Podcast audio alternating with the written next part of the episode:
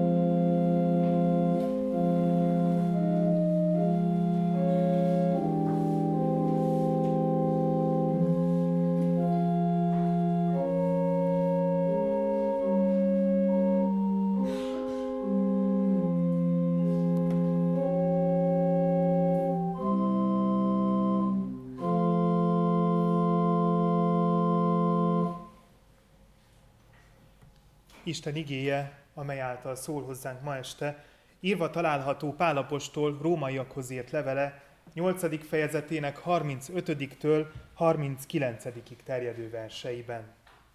Isten igéjét olvasom Pálapostól rómaiakhoz írt levele 8. fejezetének utolsó öt verséből. Kérem, hogy a helyünkön maradva figyelemmel és alázatos szívvel hallgassuk azt meg. Kiszakíthat el minket Krisztus szeretetétől? Nyomorúság vagy szorongattatás? Vagy üldözés? Vagy éjség? Vagy mezítelenség? Vagy veszedelem? Vagy fegyver? Mert megvan írva, te érted gyilkoltatunk minden nap, vágó juhoknak tekintenek bennünket. De mindeközben felettébb diadalmaskodunk azáltal, aki szeret minket.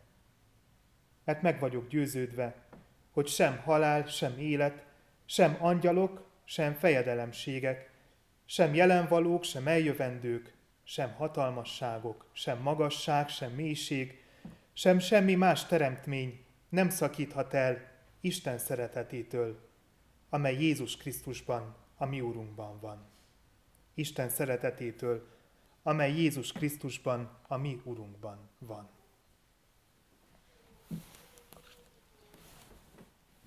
Április 16-a egy szomorú emléknap minden magyar ember számára. Egy olyan eseményre emlékeztet bennünket, amelyel nincs semmi okunk büszkélkedni. 1944-ben ezen a napon kezdődött el Kárpátalján, ami akkor magyar fennhatóság alá tartozott, a zsidók deportálása. A két világháború közötti időben, de különösen a második világháború idején sok európai országnak a politikai életében fokozatosan erősödtek a szélsőséges nézeteket való ideológiák, mind a jobboldaliak, mind a baloldaliak. Magyarországon és Romániában is, mint sok más országban szép fokozatosan lépésről lépésre fosztották meg a zsidó lakosságot alapvető jogoktól. Kezdve attól, hogy korlátozott számban részesülhettek egyetemi oktatásban, elegészen addig, hogy gettókba kényszerítve kellett éljenek. Azután következett a deportálás és a kivégzés. A magyar felhatóság alatt levő Kolozsváról több mint 16 ezer zsidó deportáltak, és mindössze 10-15 százalékuk, ha visszatért. Kevesen mertek szót emelni az embertársaikkal történt igazságtalanságokat látva. Aki nem volt zsidó, örült annak, hogy békén hagyják, nem zavarják, és csendben meghúzta magát. De voltak sokan olyanok is, akik az aktuális törvényekre hivatkozva kérvényeztek és kaptak zsidók által hátrahagyott használati tárgyakat, vagy akár kerteket, házakat is. Gondolom sokszor megpróbáltuk már a helyükbe képzelni magunkat, amikor a velük történtekről hallottunk. Biztos azt is elképzeltük, hogy hogy esne nekünk, hogyha velünk történne mindaz, ami velük történt egykor. Ha egyszer csak elkezdenének hátrányosan megkülönböztetni bennünket, akár amiatt, hogy keresztjének vagyunk. Először törvényt hoznának, hogy csak egy megadott napon, és csak egy korlátozott létszámban vehetnénk részt Isten tiszteleten. A hétköznapokon pedig nem beszélhetnénk a hitünkről. Aztán következne, hogy csak korlátozott számú keresztény fiatal juthatna be ingyenes helyre, liceumba, főiskolára, egyetemre. Aztán beleszólnának abba, hogy milyen munkahelyeket foglalhatunk el, és maximum mennyi pénzt kereshetünk. Hány gyermeket vállalhatunk, és mikor léphetjük át az ország határát. Gondolom sokak számára ismerősek hasonló állami rendez, rendelkezések. A diktatúra évei alatt, aki osztályellenségnek számított, tapasztalhatott hasonló dolgokat. Az első keresztényeket is hátrányosan megkülönböztették. Néhol folyton veszélyben volt az életük, és kevesen voltak, akik kiálltak mellettük. Az emberek féltek és inkább passzívak maradtak. Nagyon sokszor emiatt történtek olyasmik, amelyeknek nem lett volna szabad megtörténniük. Martin Niemöller, német evangélikus lelkész, aki a keresztjén hitvalló egyház vezetőjeként ellene szegült a nemzeti szocialista párt törekvéseinek, tömören, de annál beszédesebben így írta le több prédikációjában is azt a folyamatot, amelynek nyomán ő maga is passzív szemlélőből áldozattá vált. Amikor a nácik elvitték a kommunistákat, csendben maradtam, hisz nem voltam kommunista. Amikor szakszervezeti tagokat vittek el, csendben maradtam, hisz nem voltam szakszervezeti tag. Amikor a szociáldemokratákat bezárták, csendben maradtam, hisz nem voltam szociáldemokrata. Amikor elvitték a zsidókat, csendben maradtam, hisz nem voltam zsidó. Amikor engem vittek el, nem maradt senki, aki tiltakozott volna. Persze, ez már régen volt. De ami régen volt, az mindig a jelenben is megtörténhet.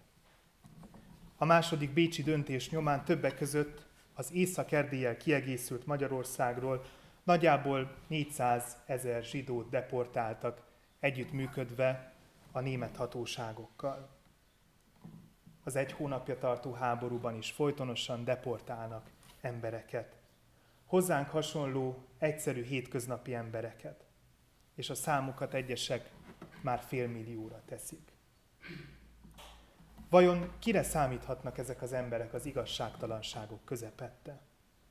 Úgy általában kire számíthat az ember, ha vallása, társadalmi vagy akár nemzeti hovatartozása miatt szörnyűségeket kell átélnie. Könnyen addig fajulhatnak a dolgok, hogy senki sem marad, aki kiállna érettünk. Jobb addig kiállni embertársainkért, amiért, amíg még bármiért fel lehet emelni a szavunkat. Másképp egy adott ponton túl nem marad más opciónk, mint elfogadni, hogy egyesek önkényesen használva a nekik adott hatalmat újraosztják a lapokat.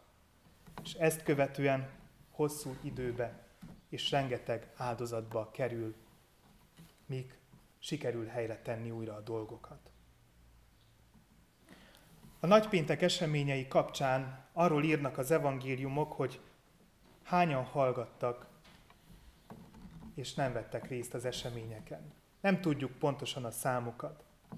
Nem tudjuk, hogy hányan voltak, akik nem kiáltottak, feszítsd meget a tömegben. Nem tudjuk, hogy hányan voltak, akik otthon maradtak. Vagy egyáltalán hol voltak azok, akik hozsannát kiáltoztak a tömegben virágvasárnapkor. Az írás hallgat a számukról. Talán azért, mert az eseményeket azok alakították, akik Jézus ellen voltak. Vajon Jézus elítélésekor hol volt az a tömeg, amelyet csodálatosan megvendégelt a pusztában? Hol voltak azok, akik utána mentek Kapernaumba, hogy királyát tegyék őt? Valóban annyira megutálták, hogy mindellene fordultak? Ha így, ha úgy, még ha csak szemlélőként is voltak jelen, bűntársak Jézus halálában és az első keresztjének üldözésében. Az üldöztetésben, amely akkor kezdődött, amikor először mondták el Péternek, hogy te is a názáreti Jézussal voltál. Nem csoda, hogy a nagypéntek szörnyűségeit követően a tanítványok bezárkóztak, mert féltek. Sokan elkezdtek közülük hazaszivárogni, hogy felvegyék a Jézussal való találkozáskor letett életük fonalát.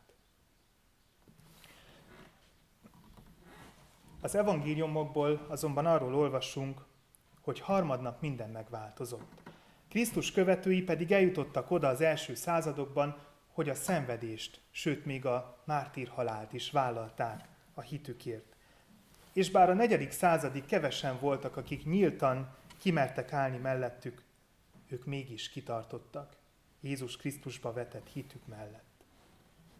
Erősen hittek abban, amit Pálapostól így fogalmaz meg a római levélben, hogy Isten szeretetétől semmi sem szakíthatja el őket. Isten mindig mellettük áll az ő fiáért, Jézus Krisztusért. És ez a meggyőződés pont elég szilárd és biztos alap volt számukra a megmaradáshoz mindig vannak Pálapostolhoz hasonló, erősen, mélyen hívő emberek, akik meg vannak győződve arról, hogy Jézus Krisztusban az Isten ember iránti szeretete örökre összekapcsolja a mulandót a mindenhatóval. Mindig marad egy kis közösség, amelyből újraindulhat az igaz ügy. Ami néha úgy tűnik, hogy az átélt szörnyűségek miatt elveszett, megbukott. Ez a kis maradék pedig, ha magként a földbe kerül, ahogyan szerdán is szó volt róla, Isten segítségével kihajt, és többszörösére növekszik. Nagy kérdés minden korembere számára, hogy ehhez a kemény maghoz szeretne tartozni, a Krisztus mellett végig kitartókhoz, vagy örvend, amíg nem bántják, bezárja maga mögött az ajtót, és reménykedik abban, hogy nem fog rá sor kerülni. Bízom annyira a kereszténység erejében, hogy aki csak egy keveset is megtapasztal Isten szeretetéből, a sohasem fog a másik végletbe esni, hasznot húzva embertársai szenvedéséből. Nagy szombat a csend ideje. Amikor a nagy tanács Jézus ellen ágáló tagjai a nyugalom napját ünneplik, mint akik jól végezték dolgukat. Azok pedig, akik szerették őt, és igaznak tartották a tanításait, akár tanítványok voltak, akár farizeusok, mert bizony voltak olyanok is, rettegéssel a szívükben zárkóztak be a házukba, és valószínűleg azon gondolkodtak, hogy vajon miért kellett így történnie. Miért lett ilyen rossz vége Jézus földi életének, hiszen amiket ő tanított és mondott, mind olyasmik voltak, amiket ha megszívlelnek az emberek, akkor csupa jó változás történik. Néha mi is olyan időket élünk, amikor az a bölcsebb, ha az ember hallgat, mint nagy héten a harang, és magára zárja az ajtót. Amikor bátor tettnek számít megszólalni, de mindig jönnek olyan pillanatok, amikor ki kell állnunk egymás mellett, meg Jézus mellett, kereszténységünk mellett is. Megmutatva azt, hogy semmi sem szakíthat el bennünket Isten szeretetétől. Mi pedig arra igyekszünk, a szeretet kötelékében élve, hogy senkit se hagyjunk hátra. Amen. Imádkozzunk.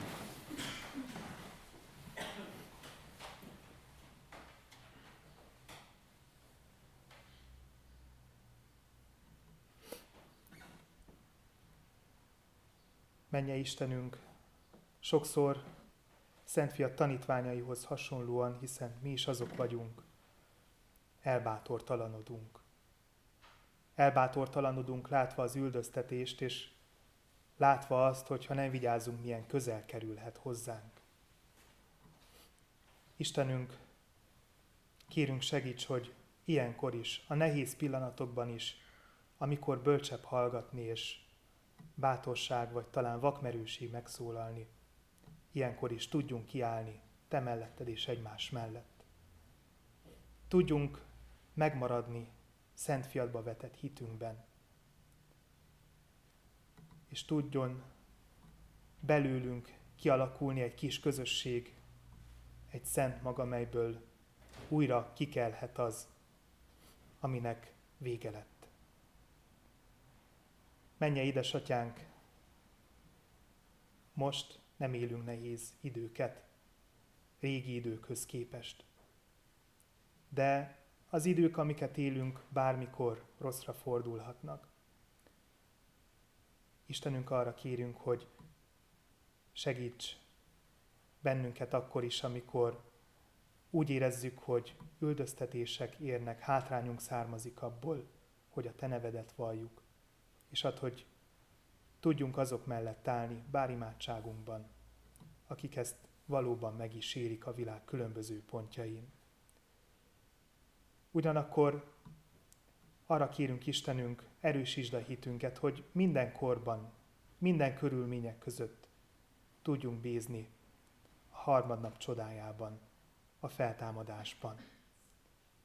Szent Fiad nevében kérünk, áld meg készülődésünket a holnapi ünnepnapra, az úrvacsora vételére, amely ugyancsak arra emlékeztet, hogy szeretet köteléke, a te szereteted köteléke összekapcsol bennünket.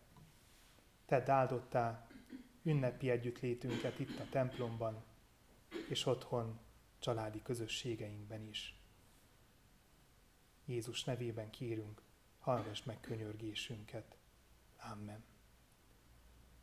Bizalommal tárjuk fel szívünket Isten előtt.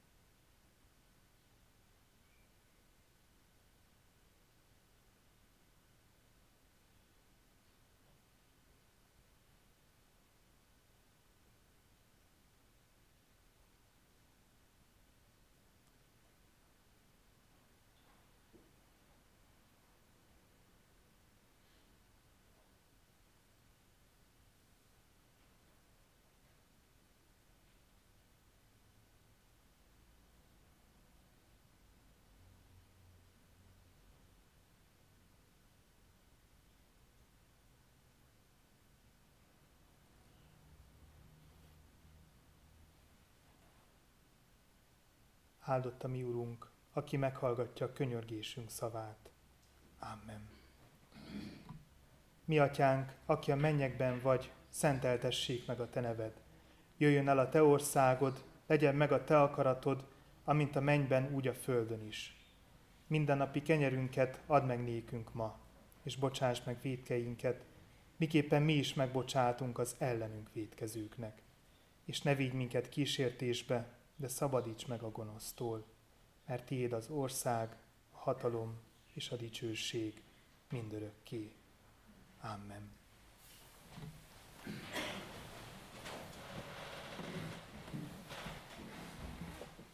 A 226. énekünk harmadik és negyedik szakaszával dicsérjük Istent. A 226. énekünk harmadik szakasza így kezdődik. Te, kinek sírodból támad fel az új élet.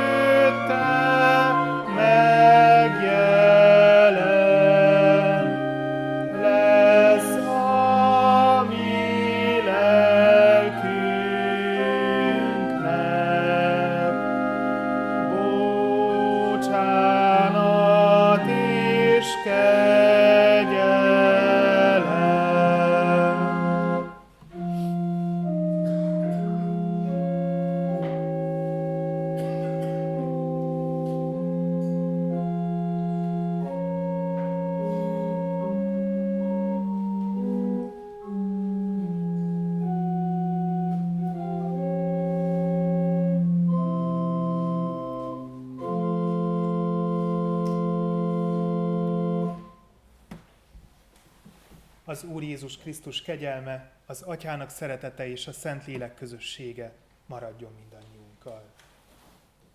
Amen.